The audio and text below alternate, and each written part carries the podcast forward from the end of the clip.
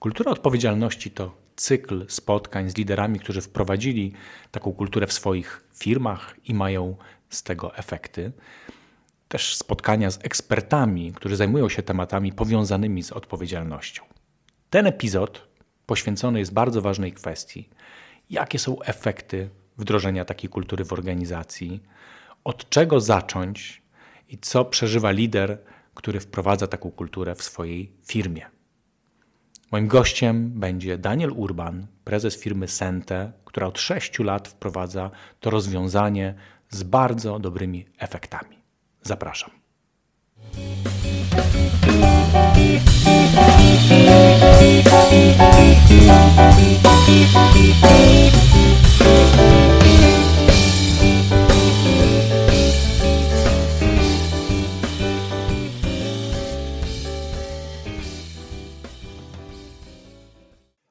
Witam Was bardzo serdecznie w dzisiejszym epizodzie mm, Kultury Odpowiedzialności.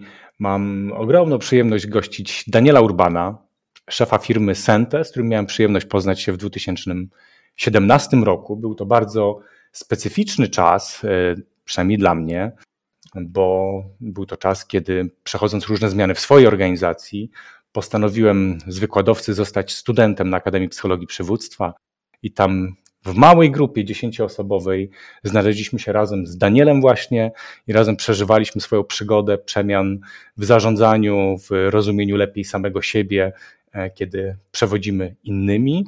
To był bardzo specyficzny czas, kiedy e, no, mieliśmy okazję wejść e, też głębiej w to, jak wyglądają nasze organizacje, jak działamy, co budujemy, na czym się koncentrujemy. Daniel, to już minęło dobrych 5 lat, chyba 4 lata minęły od tego czasu. Ważne lata też dla Twojej organizacji. E, za chwilę sobie pewnie powiemy więcej, jak wygląda Twoja organizacja dzisiaj, co robicie, jak funkcjonujecie.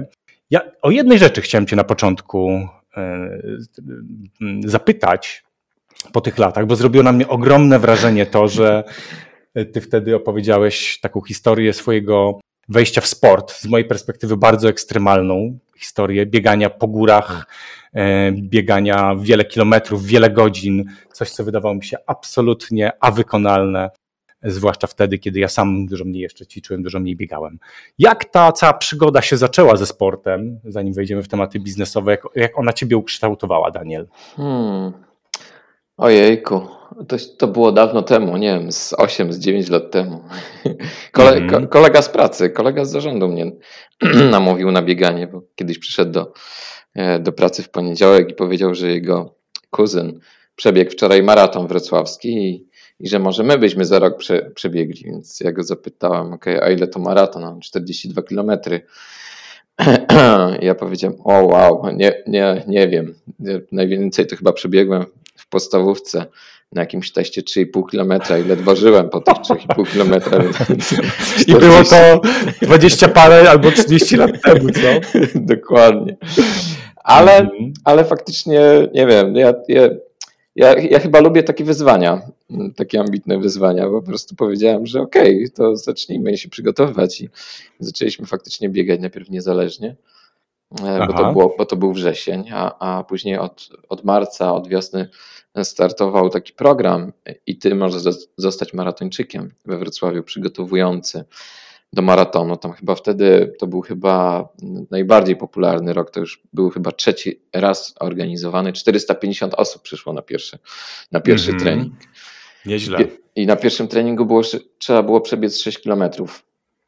I się udało i przebiegłem, a później na kolejnych gdzieś tam treningach coraz więcej, coraz więcej 8, 10, 12, 14, 16, 18. Później w czerwcu przebiegliśmy półmaraton już na zawodach, a, a i we wrześniu no. faktycznie ten maraton przebiegliśmy, nie? więc wow. w dwa lata zrobiliśmy tam koronę maratonów polskich i później zastanawialiśmy się co dalej. E, więc jakoś to chyba było też związane z książką. Dla mnie dużą inspiracją, du, duże źródło inspiracji stanowią książki. Chyba wtedy przeczytałem Aha. książkę Jedz i biegaj Scotta Jurka, Scotta Jarka, e, który właśnie tam opisuje, o, o, on jest, e, on, on wtedy był bardzo znanym ultramaratończykiem ze Stanów Zjednoczonych i i wtedy i poszliśmy po prostu w bieganie górskie. Gdzieś tam jednym z pierwszych chyba marzeń to było przebiec bieg rzeźnika. Taki... Nazwa już zachęca. Biegnie się w parach. Przez... Żeby jeden przeżył. Tak. nie, kosztem nie. drugiego. E, nie, nie, właśnie tam e, warunkiem jest to, że musi, że, że, że cała para musi dobrać, że, że, obaj, więc też wiesz, trzeba to się dobrać. swoim członkiem dobrać. zarządu biegłeś właśnie? Tak, tak, mm -hmm. tak. Dwa mm -hmm. razy w końcu przebiegliśmy, jak, jak, jak na razie. Niesamowite. Mo, może jeszcze kiedyś tam wrócimy. Jak to na Was wpłynęło? Powiedz, bo to jest historia jednak, że w bardzo krótkim czasie dokonaliście ogromnej rzeczy. Przebiec maraton po takim przygotowaniu od zera, 42 Aha. kilometry, to niesamowite doświadczenie. E, wiesz co, ja w podstawówce dosyć dobrze biegałem, więc dla mnie, ja, ja, ja z bieganiem nigdy nie miałem problemów, natomiast e, natomiast ja byłem akurat wtedy chyba w takim trochę dołku, tak, taki, mm -hmm. takim trochę e, pesymizmie i, i, i, i to bieganie mi dało dużo siły. To bieganie było fajne, o tyle, że, że wydaje mi się, że dzięki temu bieganiu miałem więcej siły, więcej energii. Może to, wiesz, może to jest kwestia endorfin, ale, ale też z Markiem wtedy dużo biegaliśmy razem trenując. Zresztą nie, nie, nie tylko z nim, bo jeszcze z, mieliśmy jakieś tam grono najbliższych kumpli, ale też dużo czasu z nim wtedy spędzałem i razem żeśmy właśnie myśleli o tym, jak, co, co, co zrobić w firmie, jak, jak, jak, jakie mm -hmm. rzeczy wdrażać w firmie, jak, jak zmieniać firmę. To była też okazja no, do długich, do długich rozmów, do długich takich rozmów podczas biegania. A kiedyś sobie nie wyobrażałem, że podczas biegania można jeszcze rozmawiać, ale przygotowując się właśnie do takich długich tras trzeba wolno biegać w takim tempie konwersacyjnym.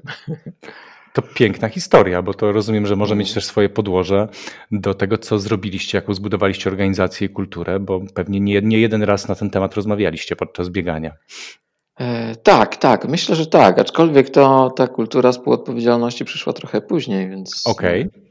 Mhm. E, ale też na pewno wykuwała się w, we wspólnych treningach, bo dalej biegaliśmy zresztą, dalej biegamy. Może teraz już e, tak razem nie trenujemy, bo mieszkamy w dwóch, w dwóch różnych miejscach, w dwóch skrajnych stronach Wrocławia, więc na treningach się rzadziej spotykamy niż, niż wtedy, ale, ale dalej sporo czasu podczas biegania spędzamy razem. Mhm. To ostatnie pytanie do biegu i przechodzimy do naszego tematu. Mm, jak ciebie jako człowieka to ukształtowało? Co ci to dało, to bieganie?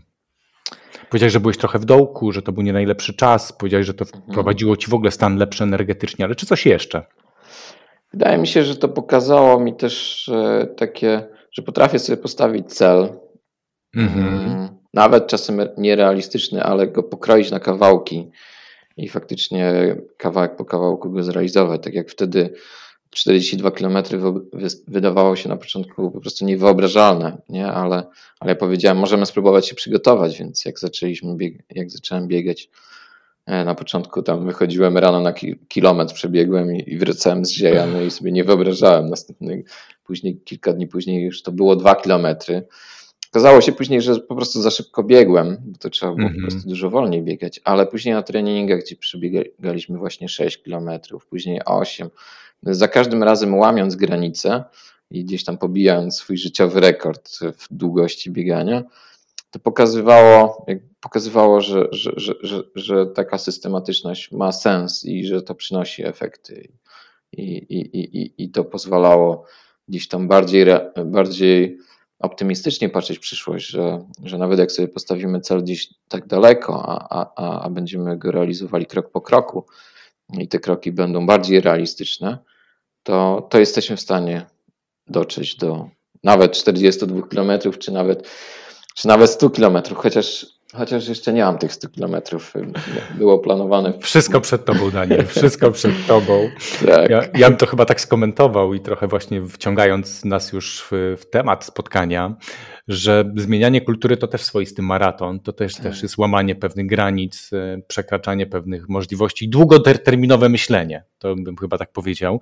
Więc tak zastanawiam się, jak najprościej opisać to mm, jaki macie efekt swojej organizacji, właśnie zmieniania tej kultury przez ostatnie 6 lat, bo z tego co pamiętam, w 2015 roku rozpoczął się ten proces przemian w waszej firmie, w firmie Sente. Mhm. Opowiedz w ogóle trochę więcej o organizacji waszej i o tym, co się zdarzyło, e, jaki macie dzisiaj efekt tej kultury, a zaraz sobie trochę opowiemy też o tym, jak to się zaczęło wszystko, czyli firma Sente. Daniel. Aha. My jesteśmy firmą, polską firmą mm, z centralą we Wrocławiu, ale mamy też oddziały w Polsce, gdzie e, powstaliśmy ponad 20 lat temu, bo w 2000 roku w lipcu mm, stwierdziliśmy, że chcemy tworzyć oprogramowanie dla przedsiębiorstw, e, polskich przedsiębiorstw takiej średniej wielkości, szybko rozwijających się i, i stworzyliśmy doszliśmy do zbudowania takiej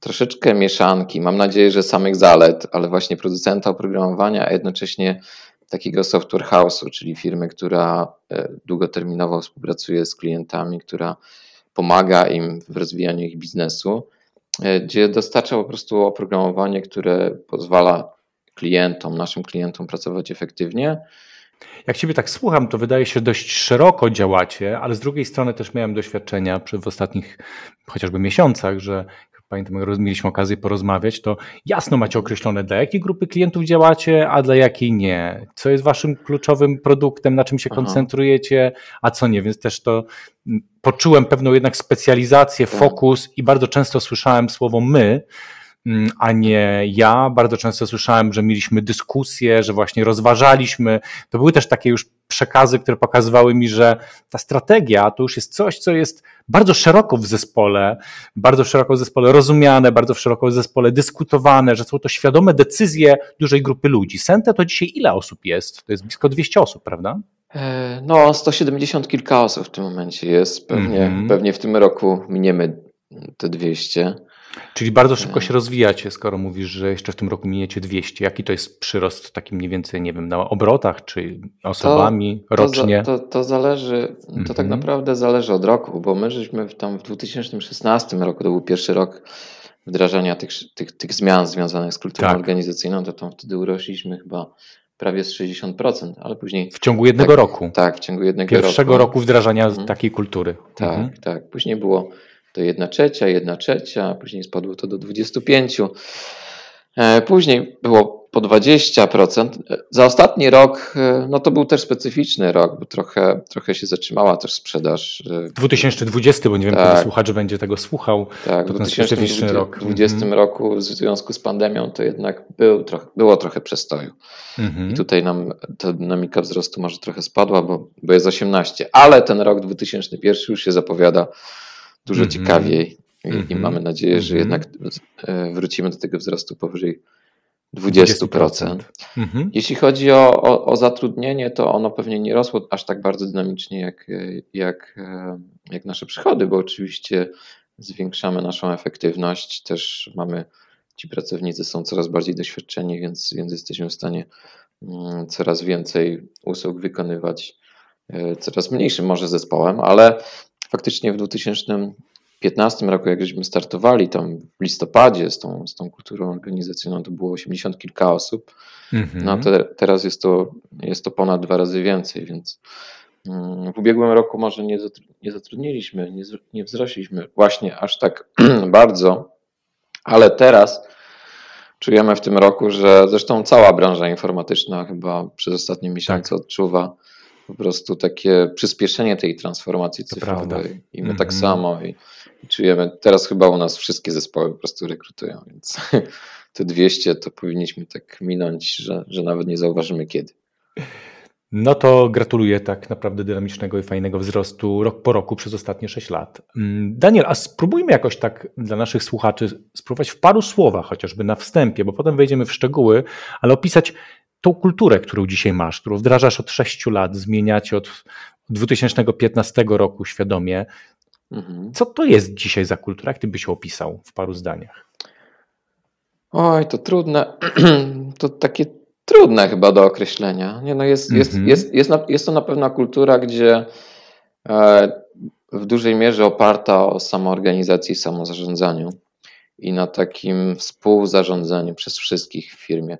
My jakiś, jakiś czas temu, e, to już prawie dwa lata temu, ale, ale przeprowadziliśmy takie wywiady ustrukturalizowane, otwarte, godzinne rozmowy, półtora godziny, niektóre nawet dwie godziny trwały z, z wybranymi osobami, ale, ale praktycznie 50 parę osób odpytaliśmy mm, w kilka osób. Ja, ten kolega z zarządu, z którym biegam i, i, i zespół HR-owy, Mhm. I tam z tego nam się właśnie trochę ukształtował zarówno obraz naszej firmy, naszej kultury, jak i, jak i też oczywiście pytaliśmy o rzeczy, których nam jeszcze brakuje, bo, bo kto, tylko temu nie, nie, brakuje, kto się nie rozwija, to ten, ten stoi w miejscu. Jak, jak się gdzieś tam ostatnio czytałem, że jak ktoś się rozwija, to zawsze jest coś do, do zmiany, coś, coś mm -hmm, do mhm, poprawienia. Mm -hmm. Natomiast właśnie ludzie mocno wskazywali na to, że, e, że fajnie u nas, że jest bardzo duży wpływ e, Aha. poszczególnych osób na to, na to, jak my pracujemy, jaką firmą jesteśmy, w jakim kierunku idziemy i, i że to buduje fajną atmosferę właśnie współpracy. Mm-hmm. Natomiast no, zaczęło, się, zaczęło się faktycznie od tej kultury współodpowiedzialności, tej kultury accountability. Mm-hmm. Może accountability to tak trudno w ogóle na język polski przetłumaczyć, bo tam nie ma, nie ma, nie ma bezpośredniego chyba. Wydaje się, że kultura odpowiedzialności to aż za mało, prawda? Bo to jest jakby tak, odpowiedzialności tak. za wyniki, za efekt, za rezultaty, to gdzieś to w sobie zawiera słowo accountability. Odpowiedzialność, odpowiedzialność jest takim trochę słowem też w polskiej kulturze. Ja mam wrażenie, przynajmniej z mojego punktu widzenia, jest, jest, jest często odbierane tak e, negatywnie, pesymistycznie, tak? A kto jest za to odpowiedzialny? Odpowiedzialność oznacza jakiś ciężar, prawda? Tak, Coś tak. mam na barkach. I to po angielsku. Tak, i to po mhm. angielsku bardziej jest responsibility. Nie? A, prawda. accountability bardziej mówi o takim, nie wiem, poczuciu odpowiedzialności chyba. Nie? I to jest takie bardziej pozytywne. Mhm. No dobrze, to powiedz, jak to się zaczęło wszystko? Czyli jak się zaczęła Wasza przygoda z kulturą accountability? Jak to się zaczęło? To się zaczęło chyba właśnie e, od takiej potrzeby, że my czuliśmy, że musimy, że, że potrzebujemy się szybko rozwijać, że e, to było najpierw po pracy ze sprzedażą, gdzie, gdzie, gdzie, gdzie znaleźliśmy konsultanta sprzedaży, który po kryzysie, bo w 2008 roku mocno przeżyliśmy kryzys i mieliśmy później przez kilka lat problem ze sprzedażą, ze znalezieniem e, klientów. E, ale on nam pomógł jakby odkryć, dla jakich, z jakimi klientami nam się najlepiej pracuje. E, I, i zaczęliśmy przyciągać do nas właśnie takich klientów, którzy, którzy, którzy są faktycznie dla nas, dla których mamy naprawdę dużą, war, dużą wartość, dużą ofertę wartości. I to jest to, co mówiłeś, że, że to się u nas kształtowało, bo my żeśmy stwierdzili, że fajnie nam się pracuje właśnie z firmami, które chcą się szybko rozwijać, z firmami, które obracają towarami, firmami, które są e, dystrybucyjne, są importerami, ale też czasem e, są producentami, bo, bo, bo, bo też później muszą dystrybuować te swoje towary, więc my jesteśmy bardzo, e, bar, mamy dobre rozwiązania właśnie w tym obszarze takim logistycznym, ale też dookoła tego mamy właśnie dużo rzeczy i, i to i my żeśmy zauważyli, że właśnie klienci, z którymi długo współpracujemy, dzięki, e, dzięki tej współpracy, może nie wiem, czy dzięki, no pewnie też dzięki tej współpracy właśnie szybko się rozwijają, czy też rozwijają się szybko dzięki swoim pomysłom, które wzmacniają tymi rozwiązaniami, które budują razem z nami. E, I takich klientów właśnie mm, chcieliśmy znajdować. Mhm. Czyli zaczęło się od tego, że sobie po 15 latach tak naprawdę, no trochę wcześniej, bo to mówię, że to był mhm. rok 2012, tak? No, po tym po, po kryzysie. Tak. Mhm. Że zaczęliście definiować swoją specjalizację, swój fokus, od tego się zaczęło mm, i zmieniliście system sprzedaży, tak? To znaczy, że mhm. sprawiliście, żeby tych klientów, rozumiem, było więcej takich, których chcecie. Którzy... Bardziej, bardziej dookreśliliśmy naszą strategię sprzedaży, strategię marketingu, nauczyliśmy się lepiej może komunikować to, jaką mamy ofertę. I to faktycznie uwolniło nas, e, uwolniło nas trochę w tym sensie, że e, ten, to wąskie gardło ze sprzedaży, ze znajdowaniem klientów przesunęło się, ponieważ my zaczęliśmy nie dość, że znajdować nowych, nowych klientów, to też zaczęliśmy mocno zwiększać współpracę z naszymi dotychczasowymi klientami. I, e, I nagle się okazało, że my potrzebujemy jednak więcej, więcej osób, więcej współpracowników, z którymi będziemy mogli tych naszych klientów e, dobrze obsługiwać. E, I, i to też e, trochę pokazało nam, że, że musimy się bardziej skoncentrować chyba właśnie na tej kulturze organizacyjnej, po to, żeby nie wiem, zmniejszyć rotację, zwiększyć retencję, jednocześnie przyciągać do nas pracowników, którzy będą chcieli z nami te rzeczy robić. I to nas właśnie popchnęło w kierunku tego, żeby właśnie popracować bardziej świadomie nad, nad naszą kulturą organizacyjną. To też, to też pewnie był wynik tego, że przestaliśmy się trochę martwić o to, czy firma przetrwa, bo skoro mieliśmy klientów, którzy, którzy chcieli od nas coraz więcej usług kupować, no to przestawaliśmy się martwić trochę o biznes, czy on nam wyjdzie, czy nie wyjdzie, a, a mieliśmy trochę troszeczkę więcej właśnie czasu na to, żeby na spokojnie się zastanawiać nad tym, jak, jak układać tą firmę, żeby nam się tutaj fajnie pracowało. Czyli wyszli, wyszliście z takiego trybu przetrwania w tryb bardziej rozwojowy, e, tak jak słyszę. Tak, tak, tak, tak, tak myślę, że właśnie, że, że, że właśnie tak było. Nie? I to i zaczęliśmy właśnie od szukania różnych inspiracji. Od tego, jak można to zrobić. Czytaliśmy tam książki, chodziliśmy na, na konferencje i w końcu właśnie trafiliśmy między innymi na książkę Zmień kulturę, zmień zasady gry co w ogóle sam tytuł po prostu odpowiada na, na, na, na te moje oczekiwania i, i, i mówi o tym, że, i mówił właśnie o takich moich przekonaniach, że, że tą kulturą organizacyjną jesteśmy w stanie troszeczkę, trochę zmienić zasady gry. E, I w, dokład, I w tej książce właśnie przeczytałem o tej kulturze odpowiedzialności, o kulturze brania odpowiedzialności, o kulturze accountability, że ta kultura jest jedną z najbardziej wydajnych e, właśnie w firmach, że ona potrafi sprawić cuda. Nie? I, I tam trafiliśmy, o, o, w tej książce była wymieniona inna książka tych samych autorów, Zasada OS. E, kupiliśmy tam najpierw jeden egzemplarz, a później, a później kilka, z, jakie były na rynku. I zaczęliśmy po prostu z, ty, z, tym, z tym powoli pracować.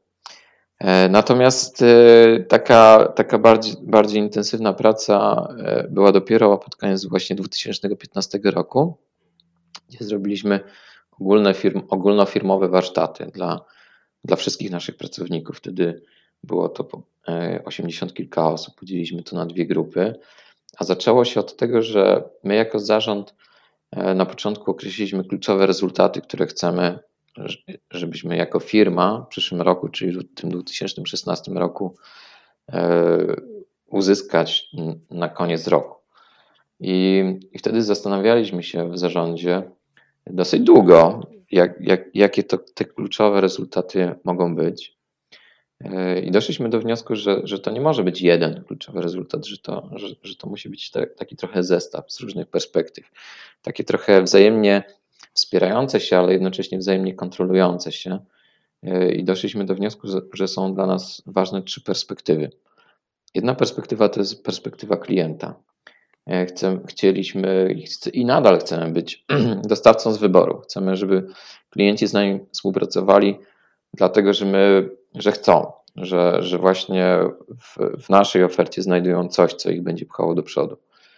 E, druga perspektywa to właśnie mm, ta perspektywa pracownika. Chcemy być pracodawcą z wyboru. Chcemy, żeby mm, pracownikom mm, u nas w firmie dobrze się pracowało, żeby oni chcieli tu pracować, żeby oni tu faktycznie rozwijali się, realizowali się, czuli, czuli taką trochę, nie wiem, dumę, misję, a jednocześnie oczywiście, żeby to się przekładało na, na rynek zewnętrzny, na to, że, że faktycznie będzie nam łatwiej znajdować e, pracowników, którzy będą chcieli, osoby, które będą chciały do nas dołączyć i razem z nami pracować.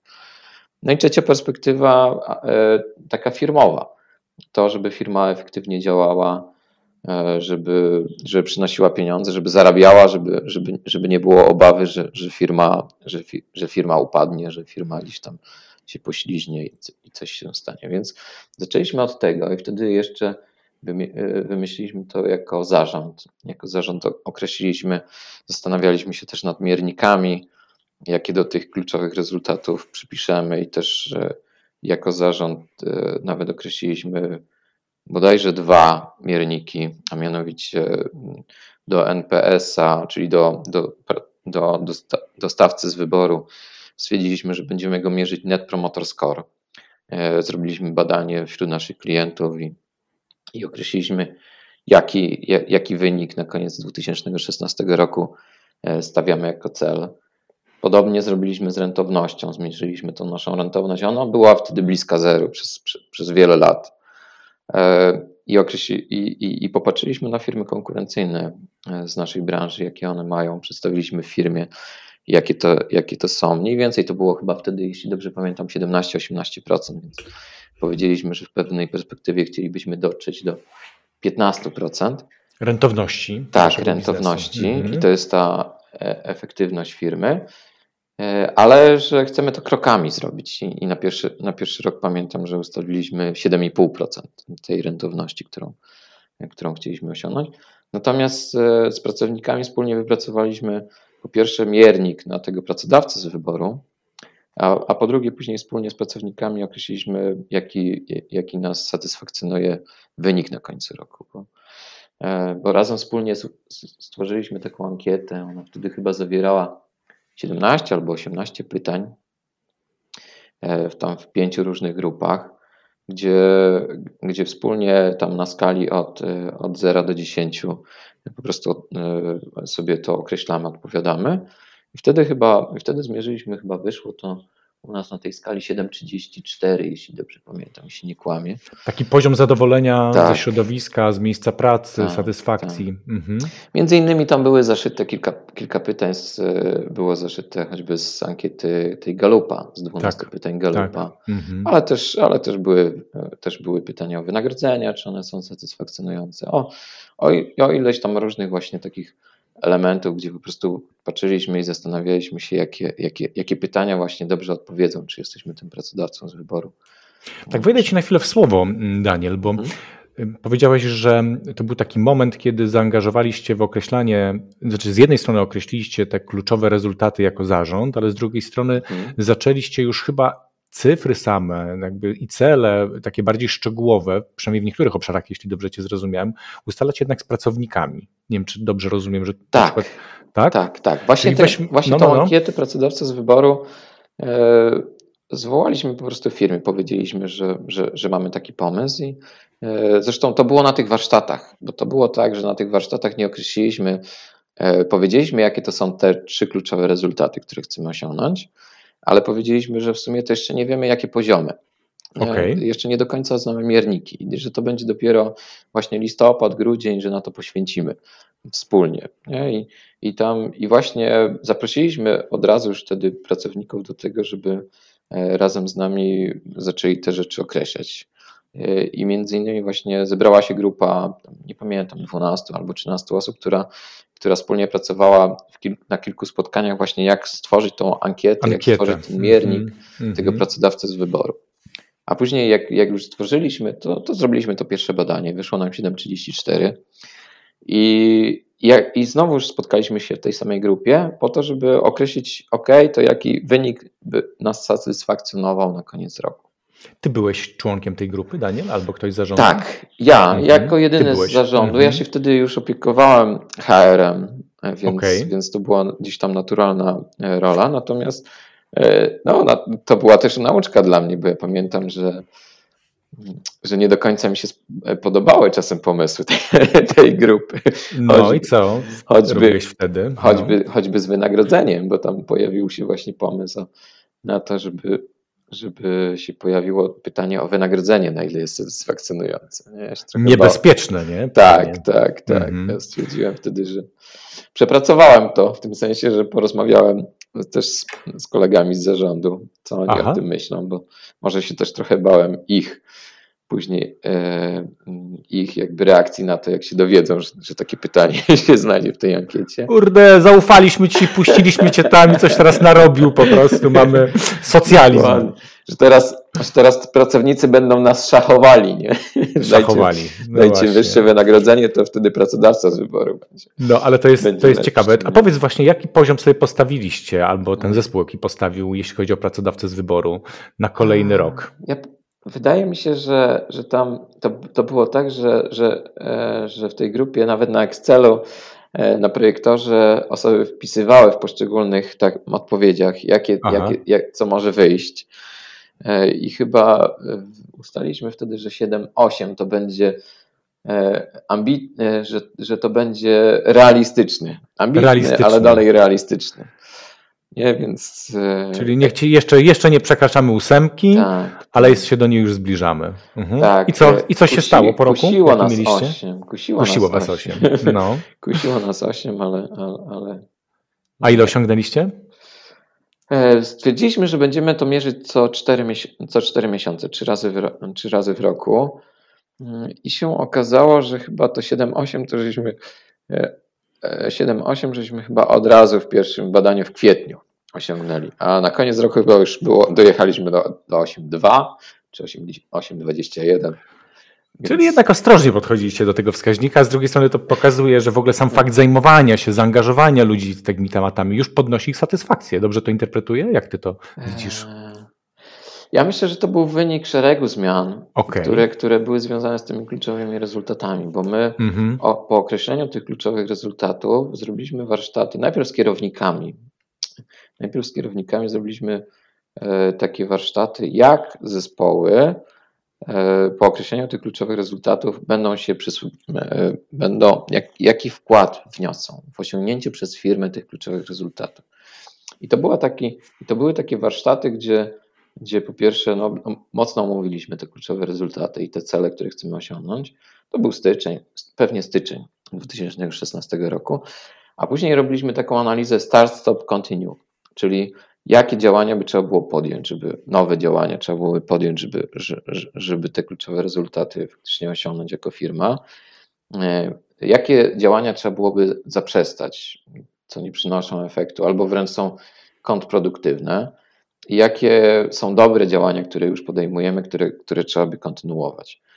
Mm, I później wyszło z tego, że po prostu no, ci kierownicy powymyślali poszczególne działania, ale doszliśmy do wniosku, no bo ta, ta współodpowiedzialność opiera się na tym, że trzeba określić e, te, te, ten cel, ten rezultat, jaki chcemy osiągnąć, a jednocześnie później dać e, swobodę pracownikom w sposobie realizacji tych, e, tych celów, tych, tych osiągnięcia tych rezultatów. Oczywiście w dobry sposób, nie, nie, nie można pozwolić na jakieś tam e, na jakieś nieetyczne działania, nie? Tu chodzi o, o, o te etyczne działania, ale że najlepiej będzie, jak to pracownicy sami wymyślą, bo oni są po prostu najbliżej tych działań, najbliżej klienta, najbliżej e, tego produktu i że oni najlepiej będą wiedzieli, co trzeba zrobić dobrze trzeba zrobić, żeby, żeby to nie było tak, że to zarząd wymyśli albo, albo kierownicy, tylko ci pracownicy. Więc jak, jak my żeśmy zrobili te warsztaty z kierownikami, to zdaliśmy sobie sprawę, że no nie, to nie o to chodzi. W tym momencie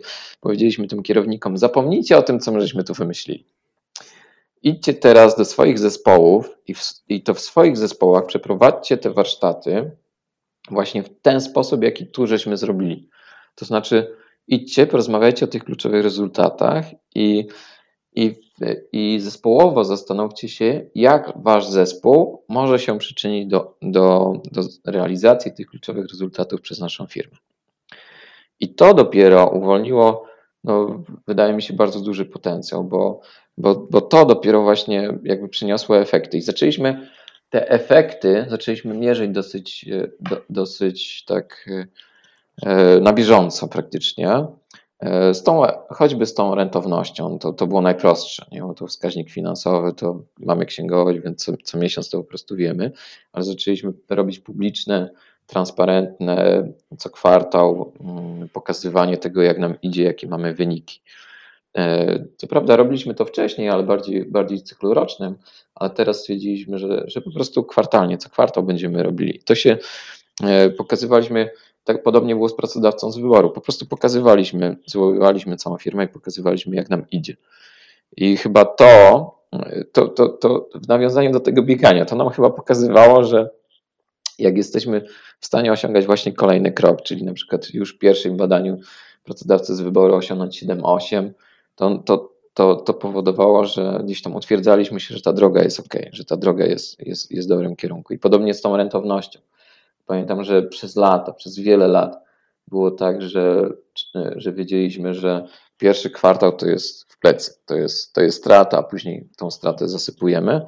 Tak pamiętam, e, wtedy też mieliśmy stratę, ale malutką, ale ona była w porównaniu do poprzednich lat po prostu bardzo mała. I później co kwartał pokazywaliśmy te wyniki finansowe i te, e, i, i, i te wyniki pracodawcy z wyboru.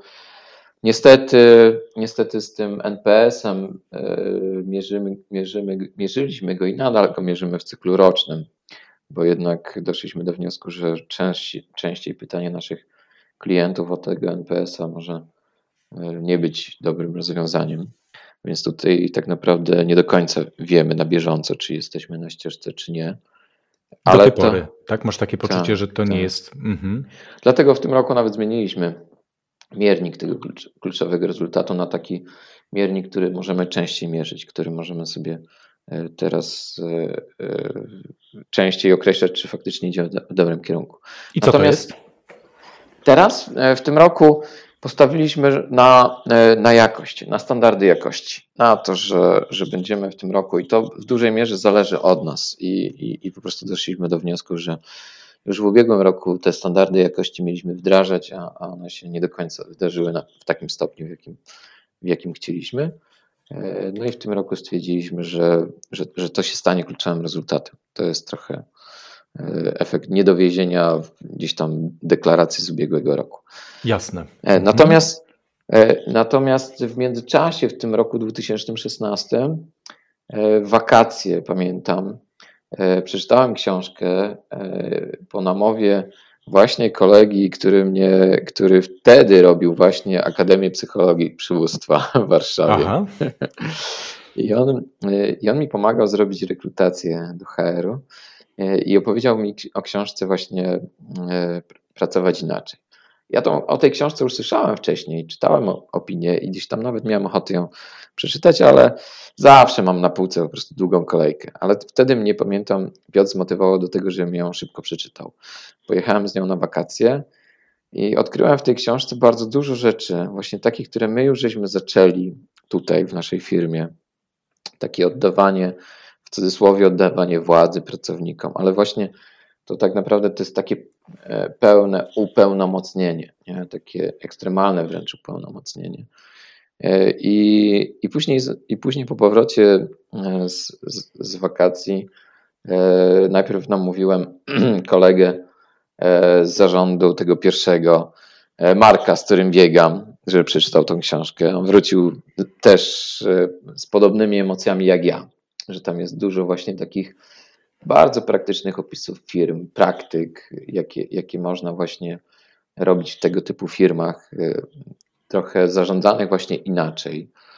Y, I pamiętam, że, że to spowodowało, że, że zaczęliśmy po prostu używać, rozmawiać o tych praktykach, zastanawiać się, które by do nas pasowały w firmie i tak naprawdę pogłębiać tą kulturę współodpowiedzialności jeszcze bardziej zwiększać tą samoorganizację, e, jeszcze bardziej właśnie opierać się na, na, tych, e, na tym wpływie pracowników.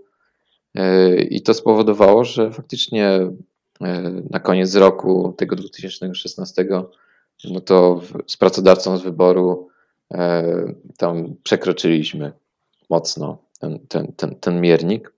Mhm. Ale A też, jak z rentownością?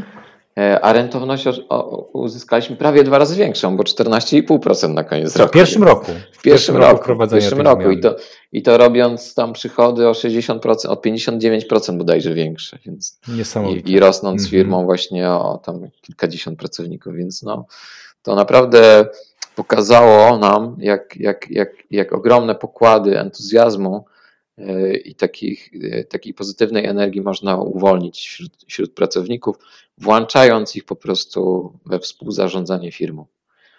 Ja na chwilę jeszcze wrócę mm, do takiego doświadczenia, pamiętam naszej rozmowy podczas Akademii Psychologii Przywództwa. Mhm. Jak powiedziałeś, że to się też rodziło w takim poczuciu, że mała, wąska grupa osób bierze odpowiedzialność za całą organizację, podczas gdy reszta E, gdy reszta tej odpowiedzialności nie ma i na swój sposób grają w pewną taką grę, że jedni biorą, a drudzy mhm. cieszą się, że nie muszą jej, jej brać, chociaż jest to takie pozorne cieszenie się. Wróćmy do tego też, bo tak jak mówiłeś, zestawialiście te cele w 2016, na 2016 rok jeszcze jako e, wy jako zarząd, te takie tak, kluczowe tak. rezultaty, tak. włączając już ludzi, mhm. ten proces się jakoś kształtował. Masz poczucie, że to branie odpowiedzialności jest dzisiaj takie, że ludzie bardziej też stawiają te cele dzisiaj niż wy wtedy w tym 2015 roku na koniec? E, to było tak, że pod wpływem tego, co się wydarzyło i pod wpływem też tych inspiracji z tej książki, e, na przełomie 2016 i 2017 roku już, już nie było tak, że my jako zarząd ustaliliśmy kluczowe rezultaty na, na, na kolejny rok, tylko po prostu zaczęliśmy organizować debaty, gdzie, gdzie chętnych, gdzie osoby chętne zaczęliśmy angażować po prostu do podejmowania decyzji. Tam już w 2016 roku się okazało, że musimy zmienić biuro, więc, więc y, zrobiliśmy to zupełnie inaczej niż tam e, lata wcześniej, bo zmienialiśmy biuro kilka razy i za każdym razem to zarząd wybierał kolejne biuro, a tym, a tym razem zrobiliśmy to po prostu jako grup, grupą osób, która się chciała w to zaangażować. I podobnie zrobiliśmy właśnie później już z kluczowymi rezultatami. Tak robimy od, od tamtego czasu, że co roku to, to, to, to, to reprezentanci zespołów, którzy, którzy są chętni po prostu wziąć w tym udział, wspólnie po prostu rozmawiamy o tym, jakie to kluczowe rezultaty e, w tym momencie chcemy ustalić na kolejny rok. Okazuje się, że na tyle dobrze te trzy perspektywy wybraliśmy, że, że, te, że te kluczowe rezultaty niewiele nam się zmieniają. Czasami się zmieniają mierniki, ale, ale, te, ale te punkty widzenia raczej takie pozostają.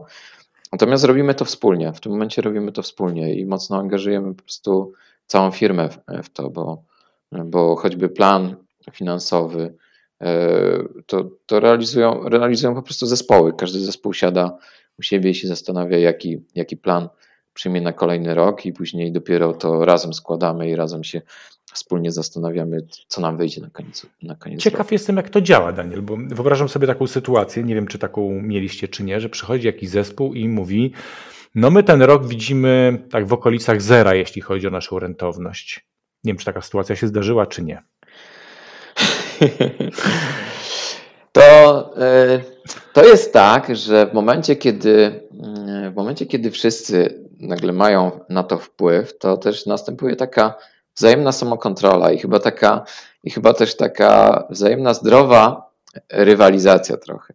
Nie? I okej, okay, ja, ja, sobie wyobrażam to i zresztą no były tak, takie przypadki, że faktycznie niektóre zespoły mogą e, powiedzieć, że, że w okolicach zera, ale to musi, e, ale one muszą mieć na to jak, jak bardzo obiektywne wytłumaczenie. Nie? To jest tak, że, że wszyscy pozostali po prostu zapytają. Nie? I, i, I, oczywiście są obszary, w które my wiemy, że, że nie wiem, które chcemy zainwestować, w których wiemy, że jest trudniej, które nie mają jeszcze, nie wiem, odpowiedniej skali działania i tam wiemy, że, że, że, że, że to może być gorzej. Nie? Ale, e, ale wydaje mi się, że działa taka właśnie wzajemna samokontrola, nie? Że, że, że zespoły też nie przyjdą i nie powiedzą, E, nie powiedzą, że ok, to my zero i, ty, i, nie, i, i to będzie tylko wynikało z ich ostrożności.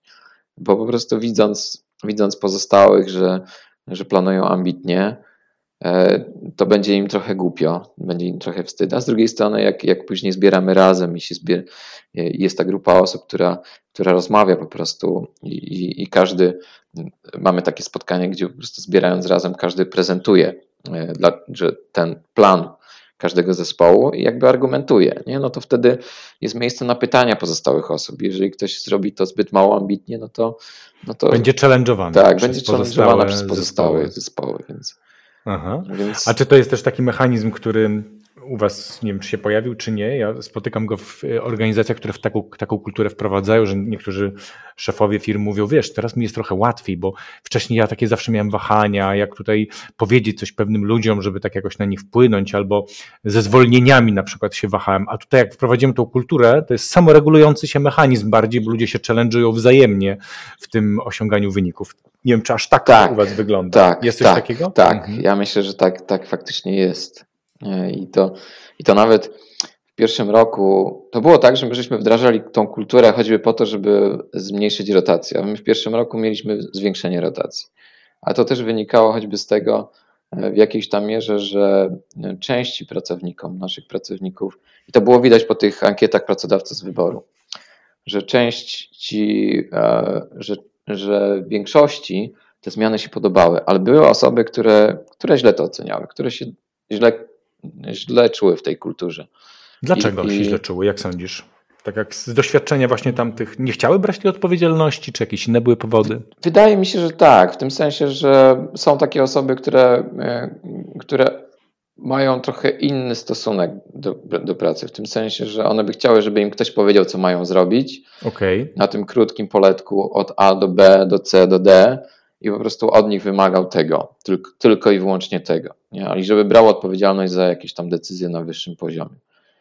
E, ale na szczęście wydaje mi się, że więcej jest takich osób, które chcą, które chcą się angażować, które chcą brać e, udział. I okej, okay, ja myślę, że dalej jest przestrzeń też u nas w firmie, dla, bo nie wszyscy się angażują, nie, nie, nie, wszystkie, nie wszystkie rzeczy robimy wspólnie. Jest wiele takich, gdzie, gdzie po prostu ludzie angażują się w wybrane elementy. Są, os są osoby, które, które angażują się tylko i wyłącznie na swoim stanowisku, ale, ale, ale mają tą możliwość zaangażowania się, nie wiem, choćby nawet w zorganizowanie integracji firmowej e, albo w takie podjęcie decyzji o tym, gdzie będzie nasze biuro, albo teraz, teraz zaczynamy dyskusję na temat tego, jak będzie wyglądała nasza praca e, w firmie po pandemii nie? Bo, bo, bo wiemy, że to już nie będzie tak samo, nie? że jednak teraz bardziej, no, no wie, wiemy, że, że nauczyliśmy się też pracy choćby zdalnie i też potrafimy to efektywnie i teraz się zastanawiamy, co zrobić z naszym pustym w tym momencie wielkim biurem, jak go, prze, jak go przemodelować. Nie? I to jest coś, w co angażuje się szersza grupa dzisiaj, tak? Osób, to ty mówisz? E... Czy nie zupełnie? Jeszcze, jeszcze nie wiem, jeszcze? bo na razie mhm. zaczęliśmy dyskusję w zespołach jeszcze nie wiem jak, mm -hmm. i mhm. myślę, że, że te dyskusje w zespołach trwają, ale, ale, ale później, e, ale lada moment powstanie pewnie grupa robocza, która, która wspólnie się będzie zastanawiała, jak, jak, jakie działania musimy podejmować u nas, u nas w firmie. Natomiast mam, to... takie, mam takie poczucie jeszcze jedno, Daniel, żebym nie zgubił tej myśli, to spróbuję się teraz nią podzielić, a ty powiedz mi, czy to jakoś mnie skoryguj, czy ja to dobrze wyczuwam, że w ogóle tworzenie takiej kultury, jak ciebie słucham, to jest taka duża gotowość dla szefów, dla zarządu, dla ciebie jako chociażby prezesa, taka duża, musi być duża gotowość i otwartość na trochę nieznane, bo cały czas bazujemy na tym, czy się ludzie zaangażują, czy podejmą dla chętnych. Tu nie ma tych mechanizmów takich trochę powiedziałbym forsująco kontrolujących, tylko jest to zdane trochę na tą odpowiedź ludzi, że stwarza się środowisko i patrzy się, jak ludzie zareagują. Ale do końca nie wiemy, jak zareagują. Do końca nie możemy tego przewidzieć. Jest coś w tym? Jest i to nie jest wcale takie proste. Tam żeśmy długo y, te rzeczy przepracowywali najpierw w, naszym zespole zarządzie, a później wiele razy później mieliśmy, e, zresztą nadal mamy wątpliwości, gdzie, gdzie, gdzie, gdzie są te granice autonomii.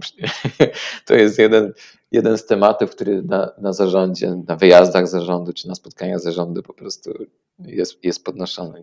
Gdzie, są te granice autonomii, gdzie gdzie my możemy wpływać, gdzie my możemy, nie wiem, podejmować decyzje, czy, czy pójść i powiedzieć, że nam się coś nie podoba, a gdzie nie. Bo, bo oczywiście jako, jako zarząd po prostu musimy bardzo ostrożnie podchodzić, nie? I, i, i, i, i, i pewnie powinniśmy też w wielu momentach brać odpowiedzialność i w wielu momentach jakby wpływać na te decyzje, ale jednocześnie musimy pamiętać, że mamy dużą siłę, że to jest ta siła autorytetu i, i często te nasze decyzje, czy wręcz rady dawane są, są, są, są, mogą być odczytane jako decyzje, a nie jako, do, jako rady. Ja natomiast... mówisz tak, to mi to brzmi trochę bardzo, z bardzo delikatną materią macie do czynienia. Jak użyjecie swojej e, nawet subtelnej siły, ona tak. ma dużą dźwignię, i mogą się pojawić mechanizmy typu kapitanoza, że ludzie pójdą za czymś, bo tutaj zarząd zdecydował, choć brzmiało to teoretycznie jak sugestia. Nie? Więc jakby można bardzo łatwo zniszczyć tą delikatną tkankę kulturową. Dobrze to rozumiem? Tak, mhm. tak dokładnie. Mhm. dokładnie. Można mhm. swoimi działaniami niezbyt przemyślanymi można zniszczyć jakby to zaufanie. Nie? To osoby stwierdzą, no to co, dajecie nam w końcu tą, tą władzę? Mamy tą tą współodpowiedzialność, czy, czy, czy tylko czy, udajecie? Czy, tak, czy tylko udajecie, czy, czy, tylko ma, czy tylko chcecie, żebyśmy klepali wasze decyzje. Nie? Dokładnie tak. E, więc, więc to naprawdę jest, ale, ale pamiętam, że mieliśmy kilka takich, e, takich dołków, takich rzeczy, gdzie żeśmy się zastanawiali, czy to jest dobry kierunek. No bo, no, no bo były jakieś tam przykłady, które, które, które, które stawały się dla nas wyzwaniem. Nie? Na przykład, nie wiem, samo ustalanie wynagrodzeń które, które też żeśmy e, zaczęli wdrażać. Nie wszystkie zespoły to przyjęły, ale, e, ale chyba większość w tym momencie zespołów ma to samo ustalenie wynagrodzeń. Pamiętam, że były takie przypadki, kiedy żeśmy się zastanawiali, czy to ma sens, czy to nie, czy to nie jest za daleko. Ale poczekaj, żebym cię dobrze zrozumiał, bo wspomniałeś wcześniej o tym, że w pytaniach tych waszych kilkunastu, które wprowadziliście, się do, wprowadziliście do pomiaru perspektywy pracownika, prawda, czyli pracodawca z wyboru, mhm. było to pytanie o wynagrodzenia. Mhm. I ja chyba nawet pamiętam z naszych rozmów z 2017 roku, że okazało się, że jest tam jakaś przestrzeń jeśli chodzi o to, ile płacicie do jakiejś poprawy, jeśli chodzi o raporty płacowe. Dobrze pamiętam, Aha. że kupiliście raporty płac e, płacowe? Tak, to kupiliśmy mm -hmm. kilka lat temu. Kupiliśmy te raporty płacowe, bo, bo pracownicy się skarżyli. skarżyli. No, no, widać było w tych ankietach, zwłaszcza otwartych, że, że było, że... W wielu firmach się skarżą, tak, to było naturalne, ale wy tak. poszliście do, podeszliście do tematu, że chcieliście to sprawdzić, zweryfikować z rynkiem. Tak. Kupiliście raporty i wyszła luka, jak rozumiem. E, tak, wyszła luka, której, którą oczywiście spodziewaliśmy się, bo, bo jesteśmy, bo też e, gdzieś tam mieliśmy przekonanie, że no konkurujemy na, na wrocławskim rynku z korporacjami, dużymi korporacjami tak. zagranicznymi. Tak. E, które to korporacje, my jesteśmy akurat e, takiej specyficznej, pewnie mało tak.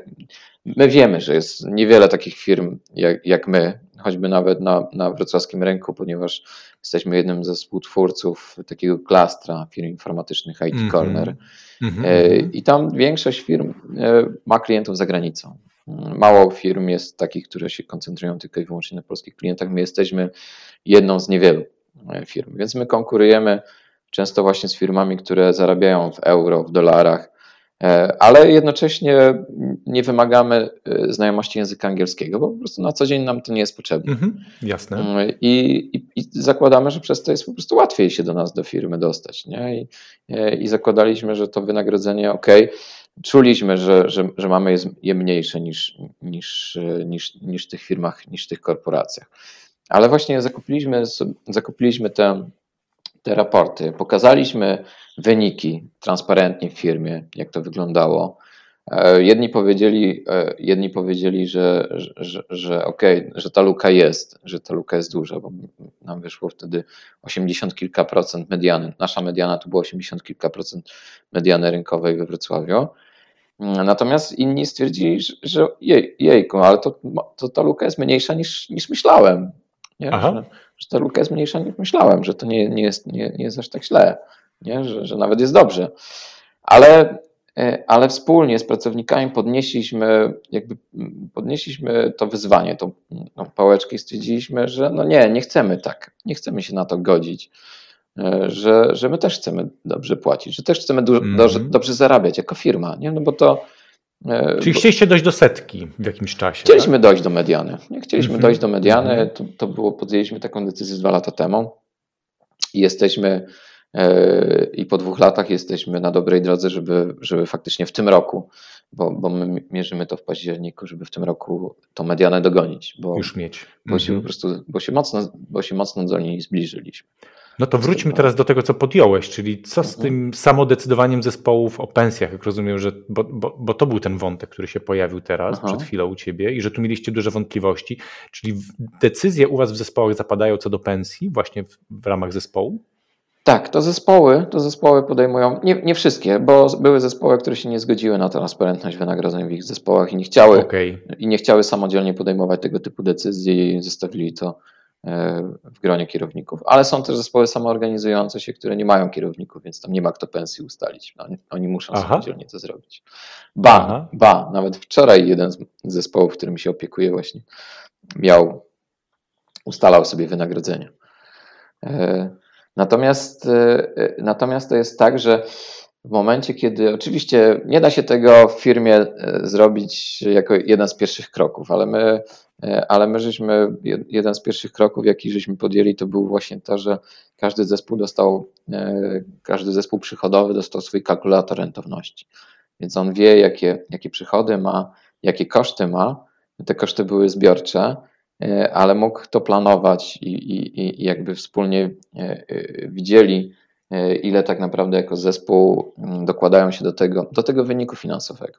Nie? Bo myślę, że wszyscy czują, że wynik finansowy jest ważny w firmie, że jednak pieniądze, zysk to jest jak, trochę jak tlen e, i że, i że bez tego się po prostu nie da żyć. Nie da się rozwijać jako nie firma, da się prawda? Rozwijać, jako tak, zespoły. Tak. Mhm. Bo no, trafienie klienta, który nie wiem, zbankrutuje i nie, nam nie zapłaci jakiejś dużej faktury, może, może przewrócić firmę, jeśli nie mamy zysku, jeśli nie mamy nie wiem, jakiegoś kapitału zapasowego zbudowanego. Mhm.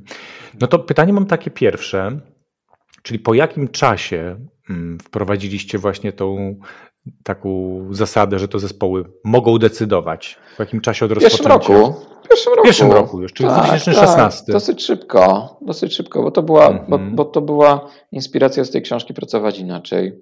Yy, I pierwsze zespoły już wtedy zaczęły, z, zaczęły to realizować, ale, ale już mając kalkulatory rentowności, jest to jakimś takim ograniczeniem, nie? Że, że wiadomo, wiadomo po prostu na co firmę stać. Ja, Tak. ja, ja, ja, ja tam mm, znaleźliśmy w, w jednej z przykładów, jest taka fajna witryna Reinventing Organization Wiki, gdzie są opisane różne perspektywy i między innymi różne praktyki, ale też przykłady z różnych firm. Mi się bardzo spodobał przykład jednej z firm bodajże niemieckich, nazwy niestety nie jestem w stanie chyba wymówić, bo jest trudna, ale tam jest e, na tym, że właśnie pracownicy sobie ustalają wynagrodzenia w procesie doradczym, rozmawiają, zdają sobie wzajemnie feedbacki i każdy sobie ustala samo, samo wynagrodzenie, biorąc pod uwagę cztery pytania.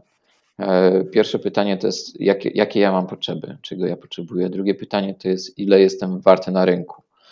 E, To jest taka zewnętrzna sprawiedliwość. Dru- Trzecie pytanie to jest, ile zarabiają moi współpracownicy w firmie, czyli taka wewnętrzna sprawiedliwość. I czwarte pytanie, na, na, na ile stać firmę, na co stać firmę. Nie? I myślę, że i te rzeczy, te rzeczy dają, te cztery perspektywy dają, myślę, mm, taką podstawę do tego, żeby te wynagrodzenia móc sobie właśnie określić w taki sposób uczciwy, mm, w taki sposób, żeby, żeby, żeby i wilk był syty i owca cała, nie? żeby i firma e, zarabiała, i firma się mogła rozwijać i, i, i przynosiła zyski, i, e, a jednocześnie, żeby pracownicy byli, byli z tych wynagrodzeń e, zadowoleni. Ale pamiętam, że niektóre zespoły nie były w stanie niektórym pracownikom powiedzieć, że, że, e, że, że ich wynagrodzenie zaplanowane, bo, bo najczęściej planujemy to wynagrodzenie to w perspektywie rocznej. E, jest takim planem, najczęściej z dwiema, z dwoma run- rundami podwyżkowymi, więc ono nie jest takie natychmiastowe. I, i, i, i, I pamiętam, że jednym z kryzysów było to, że jeden z pracowników sobie ustalił bodajże 60% e, podwyżki w ciągu roku, a zespół mu to przyklepał. W tym sensie, że nie dał mu feedbacku, no nie, słuchaj, tak nie może być, nie? No bo jak my sobie wszyscy damy 60%, to zejdziemy mocno poni, poniżej tam zera z rentownością. Nie? I jak to się rozwiązało? Ale to się samo rozwiązało. To się samo rozwiązało przez jakąś tam, nie wiem, samokontrolę chyba, bo zanim przyszło do momentu podwyżki, to po prostu nie, nie pamiętam, chyba go wypchnęli z zespołu. Chyba go po prostu Mhm. zespół Mhm. powiedział, że Mimo, że wcześniej mu klepnęli, tak przyszło co do czego, Tak. to wyszli z fazy wyparcia i dokonali tutaj Ej, korekty. Tak, i on trafił po prostu do innego zespołu w firmie, bo nie, bo nie został wypchnięty z firmy. Aha, trafił do aha. innego zespołu w firmie, a tam go już nie przyjęli z takim wynagrodzeniem, z takim planem Niesamowite, wynagrodzenia. ale to powiem Ci tak, Daniel. Pierwsze wrażenie, że to wymaga ogromnej odwagi wejście w taką głęboką Tak. wodę, a z drugiej strony tak pewnie wielu, wiele osób, które zarządza firmami, słucha tego, może mieć taką myśl, że to przecież może w moment położyć firmę, że to może być rodzaj rewolucji. No, Nie wiem, czy wyście mieli takie stany? Tak, tak, my żeśmy się zastanawiali, jak tu reagować. I akurat wtedy pamiętam, że powołaliśmy Radę do Spraw Wynagrodzeń. Że stwierdziliśmy, że zrobimy takie wybory do Rady do Spraw Wynagrodzeń, e, żeby ta Rada do Spraw Wynagrodzeń akceptowała te wynagrodzenia. Czy, czy, czy nie jest tak, że po prostu są jakieś tam niesprawiedliwe właśnie takie wyskoki. E, Ale ta Rada się spotkała raz i ustaliła, że oni be, że oni będą dopiero wtedy reagowali, jak, jak, jak wystąpił gdzieś konflikt i jak ktoś do nich przyjdzie z tym konfliktem, to dopiero wtedy będą rozsądzali. Że wcześniej oczywiście mogą, będą brali udział w, w, takiej, e, w takim procesie doradczym, żeby pomagać wynagrodzenie ustalać. I nawet wczoraj e, z, z tym zespołem, co ustaliliśmy wynagrodzenie, to, e, to był z nami Michał, który nam po prostu pomagał. To on jest członkiem tej rady do spraw wynagrodzeń, powiedział jak, jak odkrywać, jak mamy, mamy też takie narzędzie zrobione salary poker, trochę jak, jak, jak ze Scrum Poker, że, że, ludzie, że ludzie na karteczkach e, piszą, e, na ile oceniają swoich współtowarzyszy, mm, swoich kolegów z zespołu. I to się przydaje do otwierania wynagrodzeń, bo, bo, bo często otwarcie wynagrodzeń było właśnie takim, że na przykład kierownicy się bali otwierania wynagrodzeń w zespołach albo najdłużej pracujący pracownicy, bo się bali, że zarabiają po prostu nie dwa razy więcej niż, niż osoba nowo zatrudniona, albo, albo nawet ta różnica była jeszcze większa i, i co oni na to powiedzą. A się okazywało, że że jak e, anonimowo wypisywali na tych karteczkach kto, kto, kto ile, później jedna osoba, moderator zbierał te karteczki, wprowadzał do Excela, wyliczał średnie, to pamiętam taki przykład, że, że jeden akurat kierownik e, się obawiał, to, to z tego salary poker, gdzie było pytanie, jak myślisz, ile zarabia twój kolega, twoi koledzy po kolei, to wyszło 40 zł różnicy. Niesamowite. 40 zł różnicy tak. na czym? Na stawki godzinowej, e, pensji? Miesięcznej pensji. Miesięcznej 40 zł miesięcznie. Tak, między, między rzeczywistą, między rzeczywistym wynagrodzeniem tej osoby, a tym, co dał zespół, nie? średnio. To przecież to prawie co do no, co do przecinku jakoś gdzieś daleko. dokładnie, dokładnie. Niesamowite. Więc, no, i, to, i, to, i, I to kilka razy, i to kilka razy jakby pokazało, e, też, też pamiętam znowuż inny zespół, gdzie, gdzie, gdzie to zespół stwierdził, że, że kierownik powinien zarabiać jeszcze więcej. Nie? E, I to nie z tego tytułu, że jest kierownikiem, tylko jest po prostu doświadczoną osobą, konsultantem i tak dalej, więc no to słuchaj, Daniel, może tak podsumowując trochę tę część, bo mhm. to na razie brzmi jak duże koszty w organizacji, chociażby z tymi pensjami. To może podsumowując trochę, popatrzmy na te wyniki na koniec, żebyśmy tu nie mieli wątpliwości. Pierwszy mhm. rok 14% rentowność biznesu. 14,5%. Zaplanowane 7,5%, a było 14,5 i to po, pomimo wzrostu wynagrodzeń. Jeszcze wtedy nie mieliśmy tego celu, jeszcze wtedy nie mieliśmy tego celu no, okay. związanego ze wzrostem wynagrodzeń, ale już wtedy był mm, dosyć dynamiczny wzrost wynagrodzeń. Jak kolejne lata wyglądały? Jak kolejne lata? Ja już tak e, szczegółowo Mniej tak więcej. nie powiem. Zeszliście ale... poniżej zera? Tak. Ja, ja, zawsze było na plusie? Ja, zawsze na plusie. Nie, nie, nie, nigdy nie zeszliśmy poniżej bodajże 12%. To było 12,5% to było chyba minimalnie. W każdym razie od tamtego, od tamtych lat co roku dostajemy gazelę biznesu. Wow. E, bo to jest. E, o, ja nie pamiętam, czy pierwszy rok to był za 2016, być może tak, ale co roku dostajemy gazelę biznesu. A w 2019 roku i to nas mocno zaskoczyło. Rozmawiałem tam z, z kolegą z IT Cornera, z, z, szefem innej firmy informatycznej. I dziś tam, już nie pamiętam o czym żeśmy rozmawiali, ale on mówi, e, że, że przy okazji gratuluje mi mm, diamenta Forbesa. Ja mówię, tak? Jak to? Dlaczego? A e, skąd, skąd wiesz? E, bo ja nie wiem. A on mówi, no Forbesa, Forbesie jest. A ja mówię, tak? A teraz jakoś, no, to wczoraj kupiłem i przeczytałem. To, Chciałem tego samego dnia kupić, ale sobie zapomniałem. No taki drobiazg, po prostu diamenty Forbesa, można zapomnieć. E, wiesz, dopiero następnego dnia kupiłem Forbesa w mhm. kiosku. Jak sobie przypomniałem po raz, po raz drugi, zszedłem po prostu do kiosku i, i kupiłem. I od razu zacząłem, wracając do firmy, już jeszcze w biegu po prostu szukałem, znalazłem tabelkę z Dolnego Śląska i szukam się, szukam firmy Sente w tej, w tej tabelce, nie? Szukam, szukam, szukam, ale nie mogę znaleźć. Więc, Nabrał was. Więc mhm. kurczę, muszę, muszę po prostu linijka po linijce po prostu przeczytać. I patrzę, wow, na pierwszym miejscu. No to pięknie. I po prostu, no to był dla mnie taki szok. I w każdym razie zajęliśmy pierwsze miejsce właśnie w 2019 roku, zajęliśmy pierwsze miejsce na Dolnym Śląsku w kategorii firm z obrotami bodajże od 5 milionów do 50 milionów. Tam są trzy, trzy kategorie i w, i w tej właśnie średniej zajęliśmy pierwsze miejsce. Dziewiąte w Polsce dziewiąty w Polsce. Nie? I to... A kryteria Forbesa, tak żebyś nam jeszcze przy, przypomniał mniej więcej jakie są? Czyli co brali pod uwagę Ojej, przede wszystkim? Właśnie, Dynamikę właśnie wzrostu, nie prawda? Właśnie, właśnie nie pamiętam jak ta metoda się nazywa, jakaś to, mm -hmm. sztokholmska, czy jakaś szwajcarska, metoda szwajcarska, bodajże metoda szwajcarska e, i ona mm, to jest najszybciej rosnąca wartość firmy. E, o, Więc prostu. według jakiegoś tam -hmm. algorytmu oni po mhm. prostu wyliczają pewnie, więc, więc na pewno na to miał wpływ nasz wzrost mm, przychodów. To, że my zaczęliśmy dynamicznie rosnąć, więc mieliśmy tam jakąś bazę dosyć niską. Do tego w tej bazie niskiej mieliśmy mał, małą rentowność, a, a, a nagle zaczęliśmy kilkunastoprocentową rentowność wypracować, więc pewnie ten, ten, ta, rento, ta, ta wartość firmy nagle po prostu mocno skoczyła. Gratulacje, Daniel, naprawdę duża rzecz. Pamiętam, oglądałem film mhm. z wręczania, byłem pod ogromnym wrażeniem, też widziałem fantastyczne emocje, które przeżywałeś.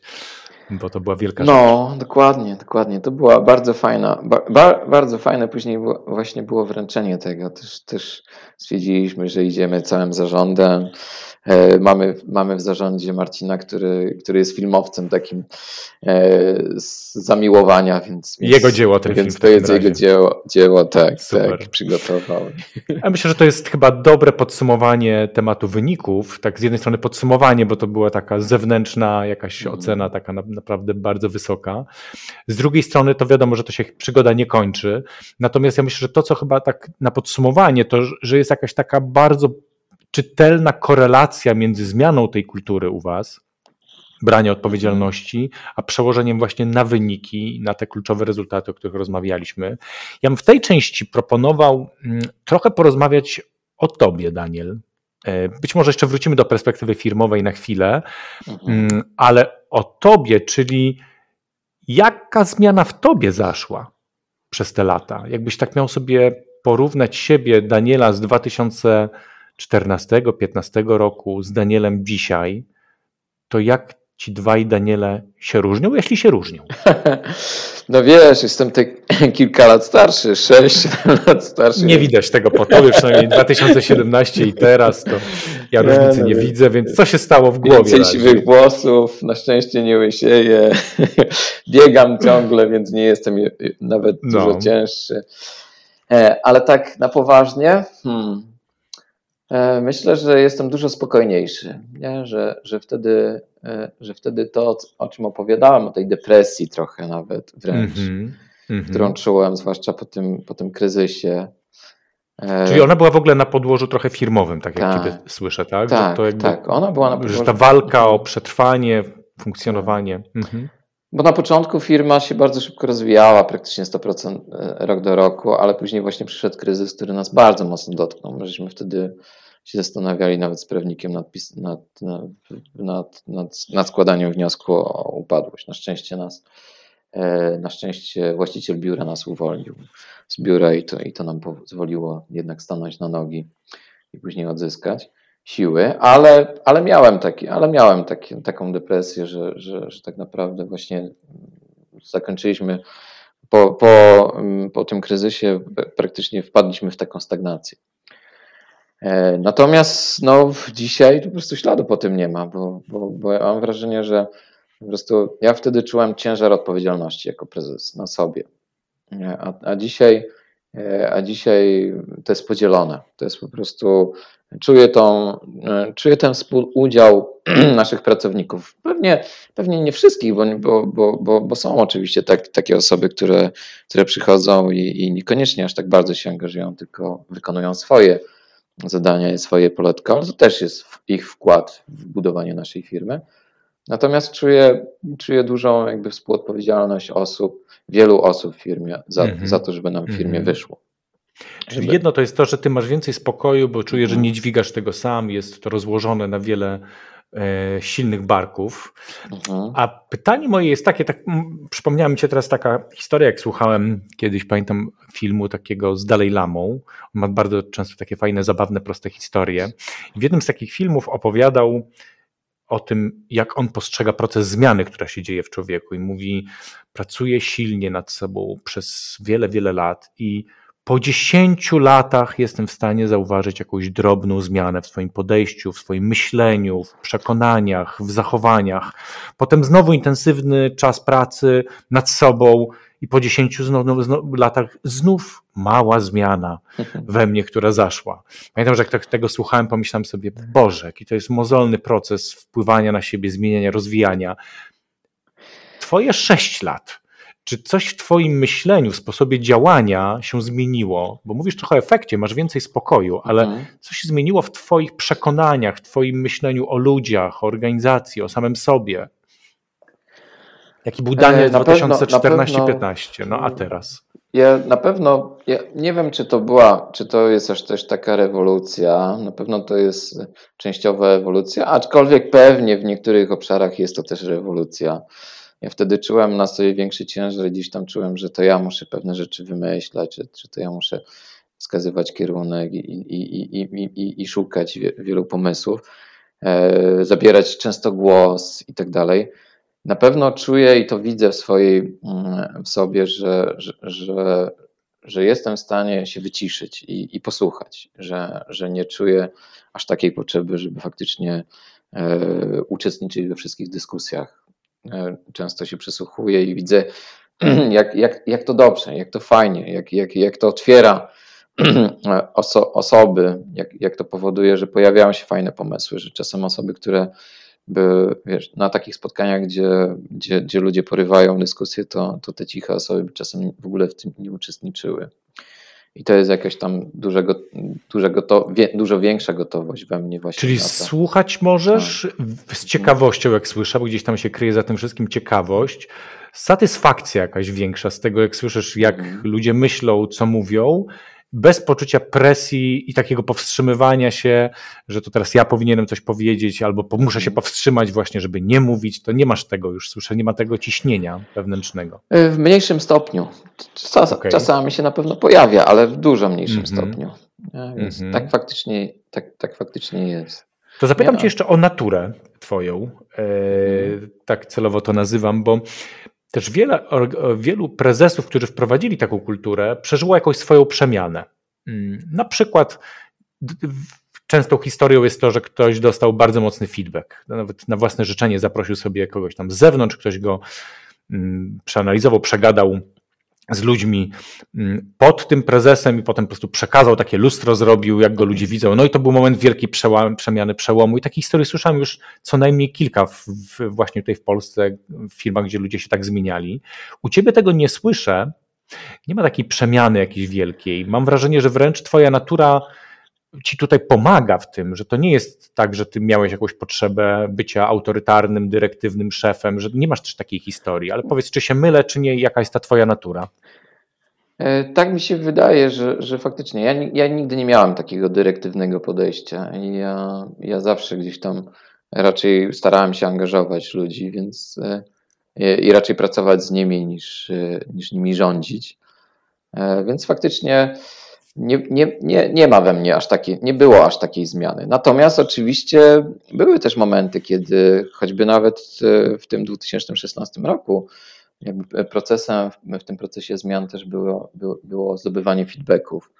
E, I, I uzyskałem mm, sporo feedbacków, czasem też takich trudnych, takich trudniejszych, które, które mi zwiększyły moją samoświadomość, że na przykład nie wiem, że na przykład dostałem informację o tym, że, że reaguję alergicznie czy tak agresywnie na, na właśnie krytykę. Nie? I, I, faktycznie tak, tak było, nie? w tym sensie, że ja sobie zdałem sprawę, że tak, tak faktycznie jest, nie? że dużo rzeczy biorę tak do, sobie, do siebie e, osobiście i, i, i tak e, bronię się mocno, mocno, czy od razu mnie to stresuje, czy denerwuje i reaguję czasem przesadnie. E, no i to była jedna z rzeczy, którą postanowiłem u siebie zmienić. E, I wydawało mi się, że, że, że, że to faktycznie we mnie, to co my, ty mówiłeś o tym Dalai Lamie, tak. że, że ja to po prostu nad tym pracowałem, pracowałem, pracowałem i udało mi się to zmienić. Ale Aha. ja nadal to u siebie czasem widzę. Nadal okay. to u siebie czasem widzę, więc to tak, więc ta, to, to, ta, ta, ta praca nad sobą jest naprawdę trudna. To, to, to, to, nie tak łatwo chyba zmienić swój charakter, ale myślę, że te przełomy też są możliwe, bo, bo też mam choćby w zarządzie kolegów, którzy, z którymi, jak ja przeczytałem tą książkę Pracować Inaczej, to sobie pomyślałem, że w Senta to nie wyjdzie. No z, tak, z, z, takimi moimi wspólnikami, e, tam z jednym wspólnikiem, później z drugim, że, którzy mają właśnie takie podejście mocno dyrektywne, w których, e, których czasem nawet pracownicy się, się bali, E, no to że za bardzo nie uda nam się e, w sentę tego, tego wdrożyć. I bardziej myślałem o tym, że to by trzeba było założyć nową firmę i to mnie kusiło założyć nową firmę już od, od początku taką pracującą inaczej. E, od razu zdrową, tak, żeby nie trzeba było zdrową, leczyć, tak. bo trudny proces. Tak. Mhm. I dopiero Marek mnie przekonał do tego, jak przeczytał tę książkę, że słuchaj Daniel, no porozmawiajmy zresztą z zarządu, namówmy ich. I, I, ja widzę kosmiczną zmianę właśnie w, w, tych moich kolegach z zarządu, którzy, którzy potrafią. No, może nie zawsze, nie? Może czasem jeszcze dalej mają, jeszcze czasem się niedelikatnie zachowają, nie? I to czasem dostają też w feedbackach, czy słyszy się w firmie, E, ale, ale to, że oni na to poszli, to ja jestem pełen podziwu dla nich, dla, znając ich charakter. Czyli akurat twoja natura być może ci pomagała i odkrywałeś ten swój taki naturalny potencjał, właściwie to, co nie czytając, może nie, nie przeszkadzała, ale mhm. też czytając, jak słyszę, od razu jakby mówiłeś, to jest to, to jest tak. to, co mi pasuje, ja w to wierzę, to czegoś mi takiego brakowało, właśnie tak powinno być. A większa zmiana, jak słyszę, zachodziła w twoich wspólnikach. Mhm. Jaki to był proces, który dalej trwa, który się gdzieś tam masz poczucie, że już dokonał? Czy to jest tak, że właśnie dalej to gdzieś czasami zgrzyta? Wiesz, to jest tak, to jest tak jak z tym moim, tak jak z tym moim agresywnym odbieraniem feedbacku, mm -hmm, nie? że mm -hmm, już się mm -hmm. myśli, że jest dobrze, a czasem coś wyskoczy, ale jasne, to jest, jasne. Podejmując raz decyzję, trzeba ciągle ją podejmować, nie? W tym sensie, że podejmując staranie, trzeba się ciągle starać. Więc, mm-hmm, mm-hmm. więc oczywiście. Ciągły takie, proces. To jest ciągły proces i to są takie fale, nie? że czasem to tak, jak, to tak jak gospodarka się rozwija falami, tak samo pewnie tutaj jest z, z tymi rzeczami. Nie? Ale, ale może te fale są coraz mniejsze, te wybuchy są coraz mm-hmm, mniejsze. No to kontynuując trochę wątek tego, jak zmieniają się ludzie wokół ciebie, jak patrzysz na ludzi, którzy Ciekaw jestem, ile wiele osób zostało z tej organizacji sprzed 2015 roku, ale zakładam, że są tacy, którzy są Aha. wciąż w organizacji. Nie wiem, masz takie historie albo przykłady zmiany zachowań u ludzi? Jak ta kultura wpłynęła na ich podejście, na ich zachowania? Jak ja, się zmieniło? Ja, ja, tam sobie przypomniałem o tym wątku i może bym do niego na chwilę wrócił. Bo no. Było o tej współodpowiedzialności pracowników.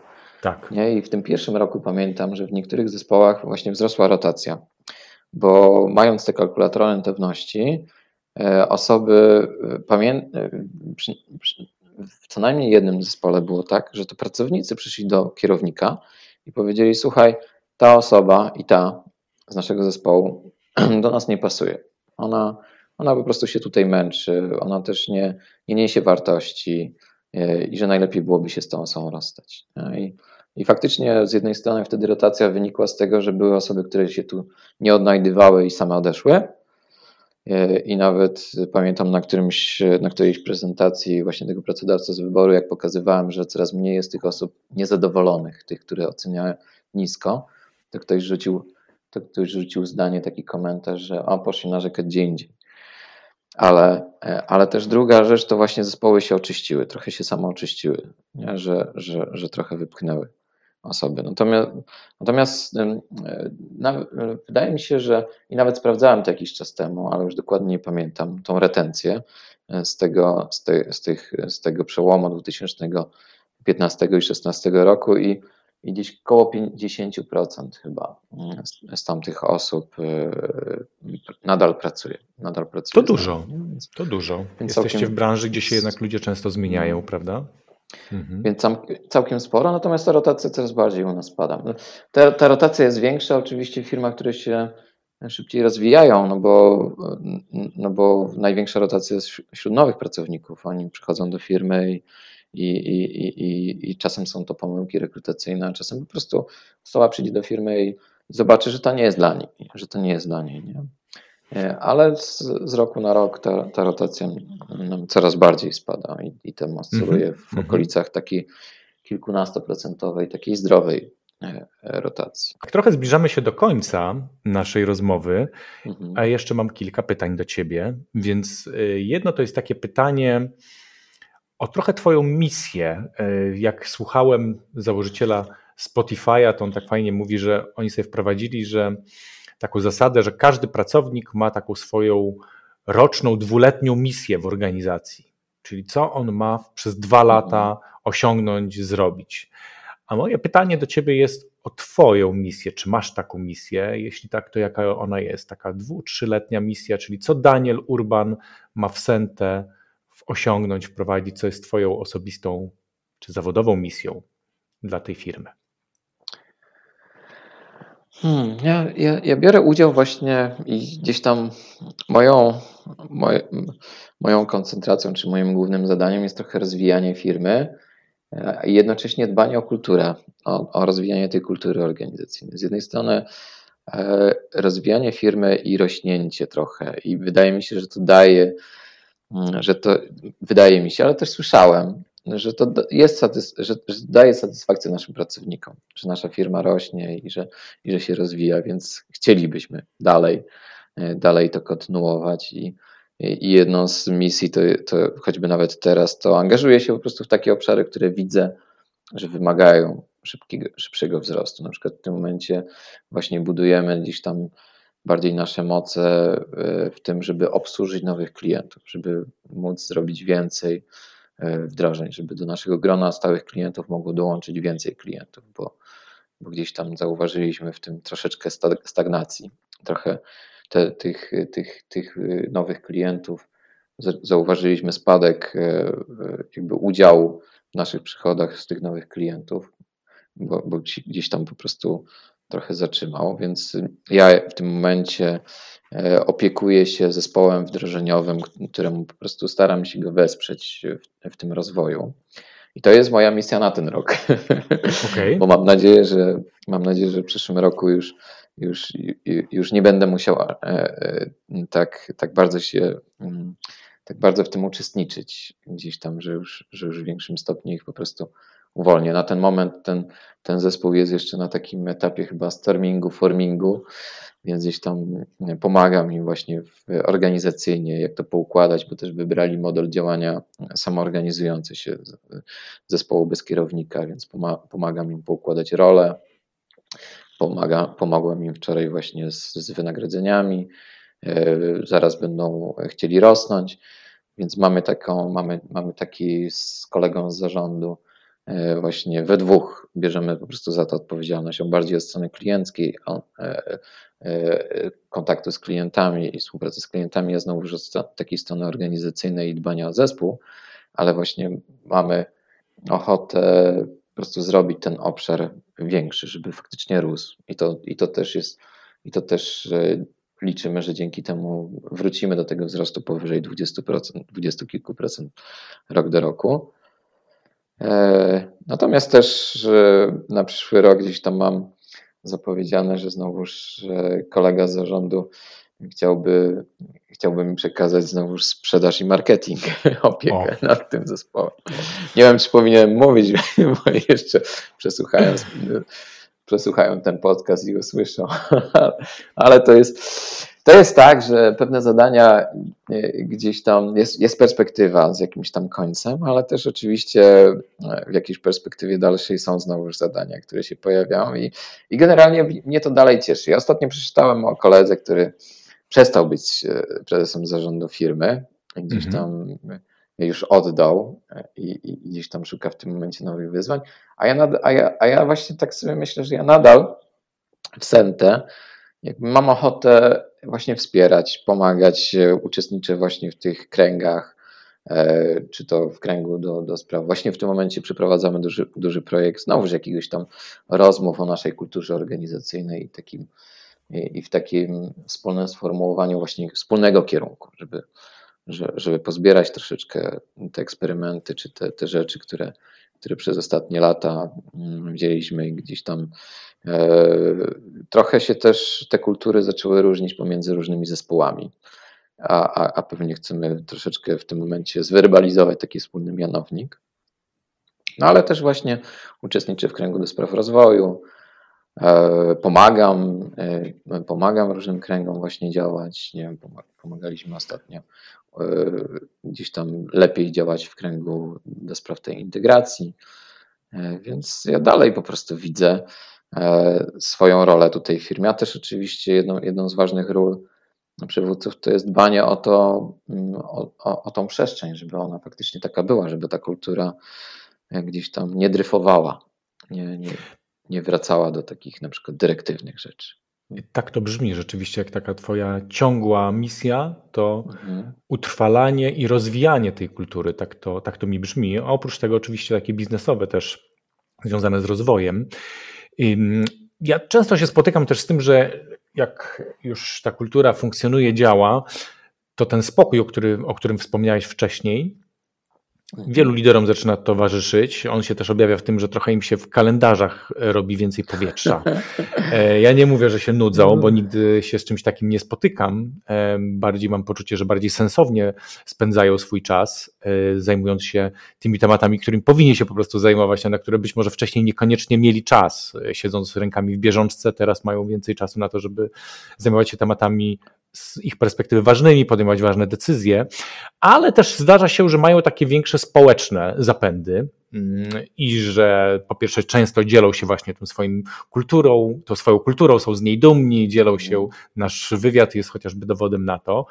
Wiem, że ty masz jeszcze jeden obszar, że jesteś radnym.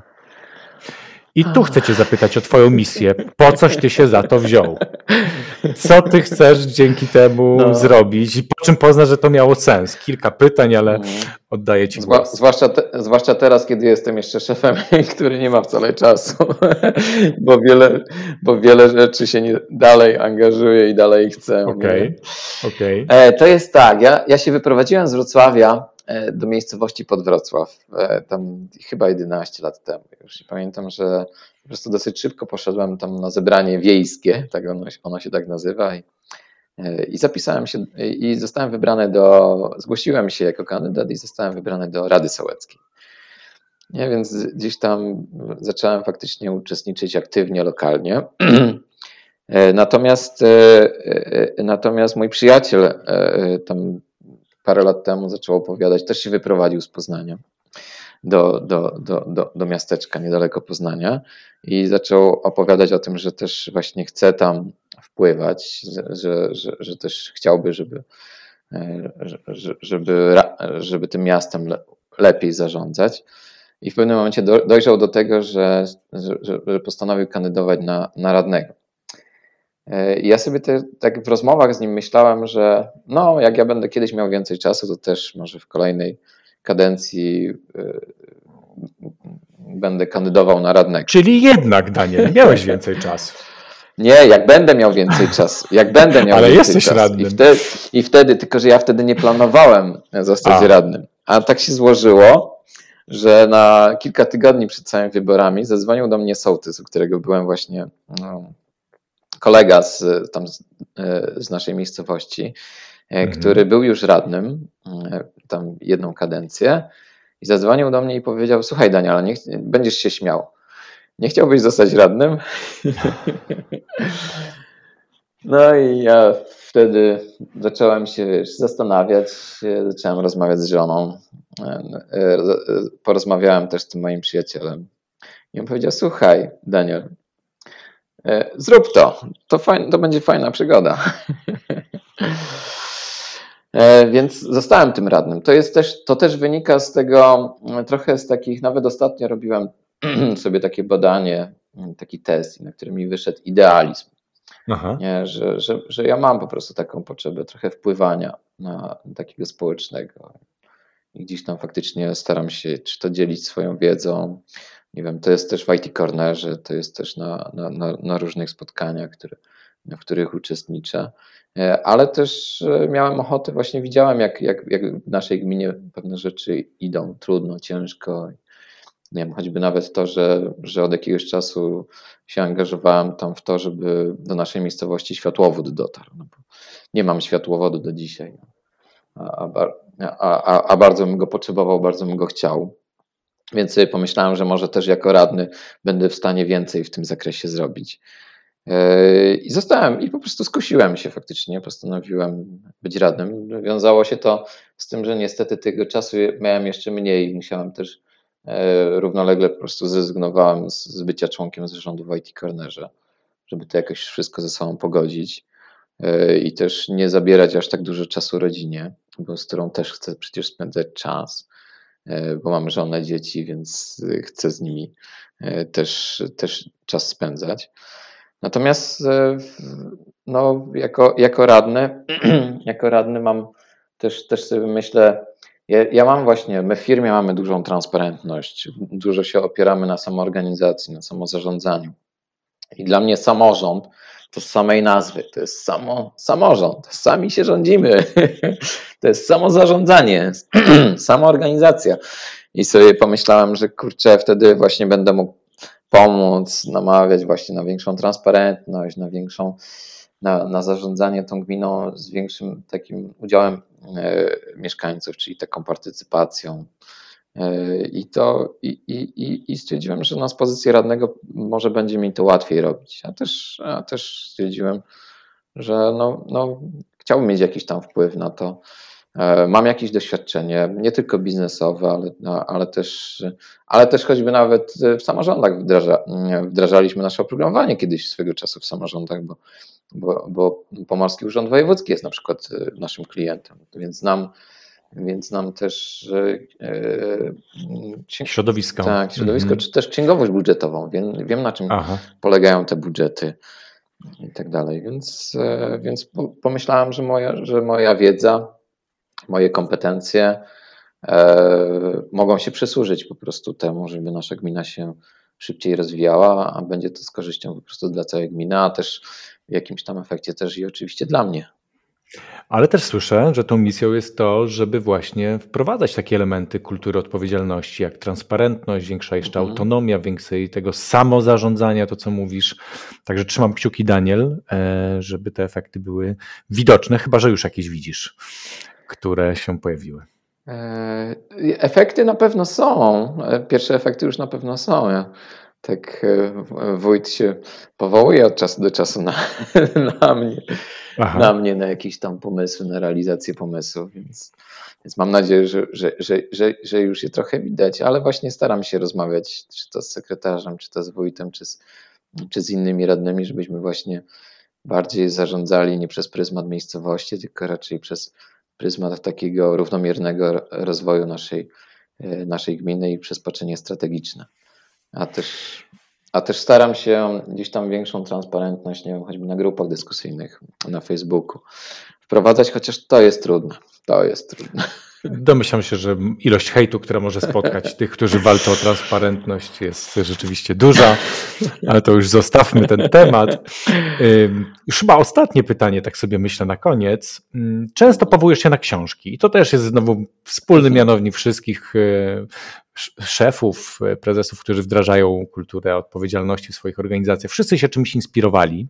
Mhm. Gdybyś miał odpowiedzieć na takie pytanie, która z tych książek być może nie wymienianych dzisiaj, byłaby taką polecaną przez ciebie pozycją numer jeden dla takich, którzy naprawdę jakoś rozważają wchodzić w taką kulturę, czy to jest dla nas, czy to jest dla mnie, mhm. jak taki proces rozpocząć. Tu dzisiaj dałeś dużo fajnych podpowiedzi, ale może, może jest jakaś książka, którą byś polecił jako taki numer jeden, od czego warto na pewno zacząć. Ojejku, numer jeden to naprawdę trudno. Trudno wybrać jedną książkę. Ale, e, ale myślę, że przychodzi mi do głowy na pewno. No, no, ja, my za, ja zaczynałem tej książki i ona na mnie naprawdę duże wrażenie zrobiła. To ta książka Zasada OS, o której wcześniej mówiłem. To mm -hmm. napisana tam przez Rogera Connorsa i Craiga Hickmana. E, ona była dwa razy wydana w Polsce. Niestety chyba teraz już jej nie ma w dystrybucji. Może gdzieś tam egzemplarze ostatnie się udałoby złapać na Allegro albo będą się pojawiały od czasu do czasu. Ja jeszcze tam parę egzemplarzy na szczęście mam. E, może to możesz się po podcaście spodziewać, że może się... możesz je wystawić na Allegro za dużo. Nie, nie, nie, nie zamierzam ich wystawiać na Allegro. Ale może, ale może, e, ale może wystarczy się odzywać do MT Business i może by zrobili ponownie, aha, może aha. by podobnie Wydruk. wydali, mhm. wydrukowali, bo oni dwa razy drukowali tą książkę, więc może zrobią jakiś. A dlaczego tą książkę polecasz, Daniel? Hmm, dlaczego tą książkę? E, bo ona właśnie mówi o tym, o, o, o, tej, e, o tej odpowiedzialności, tak z punktu widzenia e, zarówno właśnie takiego osobistego pracownika, każdego z nas, i ona się może przydać zarówno, ona, ona mocno się może przydać nie tylko zarządzającym, ale też właśnie e, i nie tylko w sferze zawodowej, ale też, ale też w sferze prywatnej, bo ona właśnie mówi o tym, żeby być w życiu proaktywnym, żeby, żeby jakby nie szukać wytłumaczenia, wymówek, czy też no nie szukać po prostu przyczyn swoich niepowodzeń na zewnątrz, bo że to jest naturalna, naturalny mechanizm u nas, e, u człowieka, po to, żeby nie zwariować. To jest jakiś tam mechanizm psychologiczny. nie? ale trzeba mieć świadomość tego mechanizmu i po prostu y, aktywnie w pewnym momencie powiedzieć, dobra, stop, stop narzekania, ok, stop wymyślania, dlaczego mi się to nie udało z przyczyn zewnętrznych. Nie wiem, spóźniłem się, bo były korki, bo przejazd zamknęli, e, bo coś tam, tysiące wymówek, e, tylko trzeba później przejść do takiego momentu, kiedy dobrze, a co ja mogę zrobić, żeby to na przyszłość zmienić? Co ja mogę zrobić, żeby, żeby, to, żeby, to, żeby to rozwiązać? I dopiero to jest efektywnym, e, efektywnym takim braniem odpowiedzialności. Ale też dużo przykładów tam jest firmowych, tam jest dużo przykładów takich właśnie o firmach, więc naprawdę ta, ta książka, polecam wszystkim przeczytanie tej książki. Jak e, zaczniecie zasypywać mailami i telefonami MT Biznes, to, to, to liczę, że dodrukują. ale, też, ale też e, pozwól, że wymienię jeszcze dwie książki inne. Dawaj, dawaj. Do, mocno do mnie przemówiła książka Ekstremalne Przywództwo Jocko Willinga. Mhm. I to była książka, która była na liście znowuż APP, gdzie, gdzie poznaliśmy się, na liście mhm. lektur. Nie? I myślę, że też jest warta przeczytania, bo ona właśnie mówi o takim ekstremalnym przejmowaniu odpowiedzialności. I nie będę więcej wchodził. Tam, tam bardziej może jest dla mężczyzn niż dla kobiet, ale myślę, że i kobiety tam, tam, tam wiele znajdą. Jest po prostu, to, to, to jest e, napisane przez oficera SEALsów, więc jest dużo o, o wojnie, o Iraku, o tym, jak o tym, jak, jak, jak tam przejmowali odpowiedzialność. Natomiast też e, świetną książka to jest ta Zmień Kurs, którą, która, e, którą wy wspomogliście znowuż wydać w, Polsce. Ja, ja o niej dawno słyszałem, dawno mi się pojawiała w rekomendacjach, choćby na, choćby na Amazonie, e, więc dawno ją tam miałem na kolej, w kolejce do czytania. Natomiast jak zobaczyłem, że, że, że została na polskim rynku wydana, to ją po prostu zamówiłem i, i bardzo szybko przeczytałem. I też mi się świetnie czytało i też myślę, że myślę, że dowolna z tych trzech książek może być pierwszą. Super, super. Dwie militarne, mm, tak, tak, akurat tak. Te, te, dobrze znam, a metoda OS to jest coś, co ostatnio od ciebie pożyczyłem, więc się biorę za nią jeszcze z większym zapałem hmm. po tym, jak, jak teraz prowadziłeś. Daniel, ja się bardzo cieszę, że te nasze drogi się krzyżują. Dla mnie to jest y, fantastyczne doświadczenie też rozmawiać z tobą o tym, co się dzieje w twojej firmie. To jest taki piękny, namacalny dowód, że mamy czym w Polsce się chwalić, y, pokazując te nasze rebelii rebelie korporacyjne i jak potrafimy cudowne miejsca pracy tworzyć, więc naprawdę Ci z całego serca gratuluję. To nasze spotkanie w Akademii Psychologii Przybóstwa też jest dla mnie bardzo ważnym doświadczeniem moim życiowym. Ja wtedy też zdecydowałem, że z takiej roli właśnie wykładowcy najpierw wchodzę w rolę studenta mm, na tej akademii, a potem, że będę prowadził małe grupy, więc to było dla mnie też bardzo fajne doświadczenie i dzisiaj z tego się bardzo, bardzo cieszę. A poznanie Ciebie podczas tej akademii jakby pokazało mi też, jak niesamowite przemiany mm, dokonują liderzy w Polsce, więc cieszę się, e, że mieliśmy okazję tam się poznać. Dziękuję Ci za dzisiejsze spotkanie. Przypominam, naszym gościem był Daniel Urban, firma Sente. Ja, Daniel, bardzo Ci serdecznie dziękuję. Ja też Ci bardzo dziękuję za, za te wszystkie miłe słowa. Aż, aż mi głupio, nie, nawet nie wiem co powiedzieć. Natomiast też Ci bardzo dziękuję za, za to zaproszenie.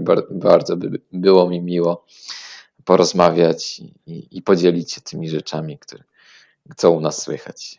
Dziękuję. Super. Ja mam kilka dodatkowych myśli, ale to chyba musimy kolejny odcinek się umówić, bo już czas jest dość długi. Yes. Dziękuję Ci bardzo. Pozdrawiam serdecznie. Trzymaj się, Daniel. Cześć.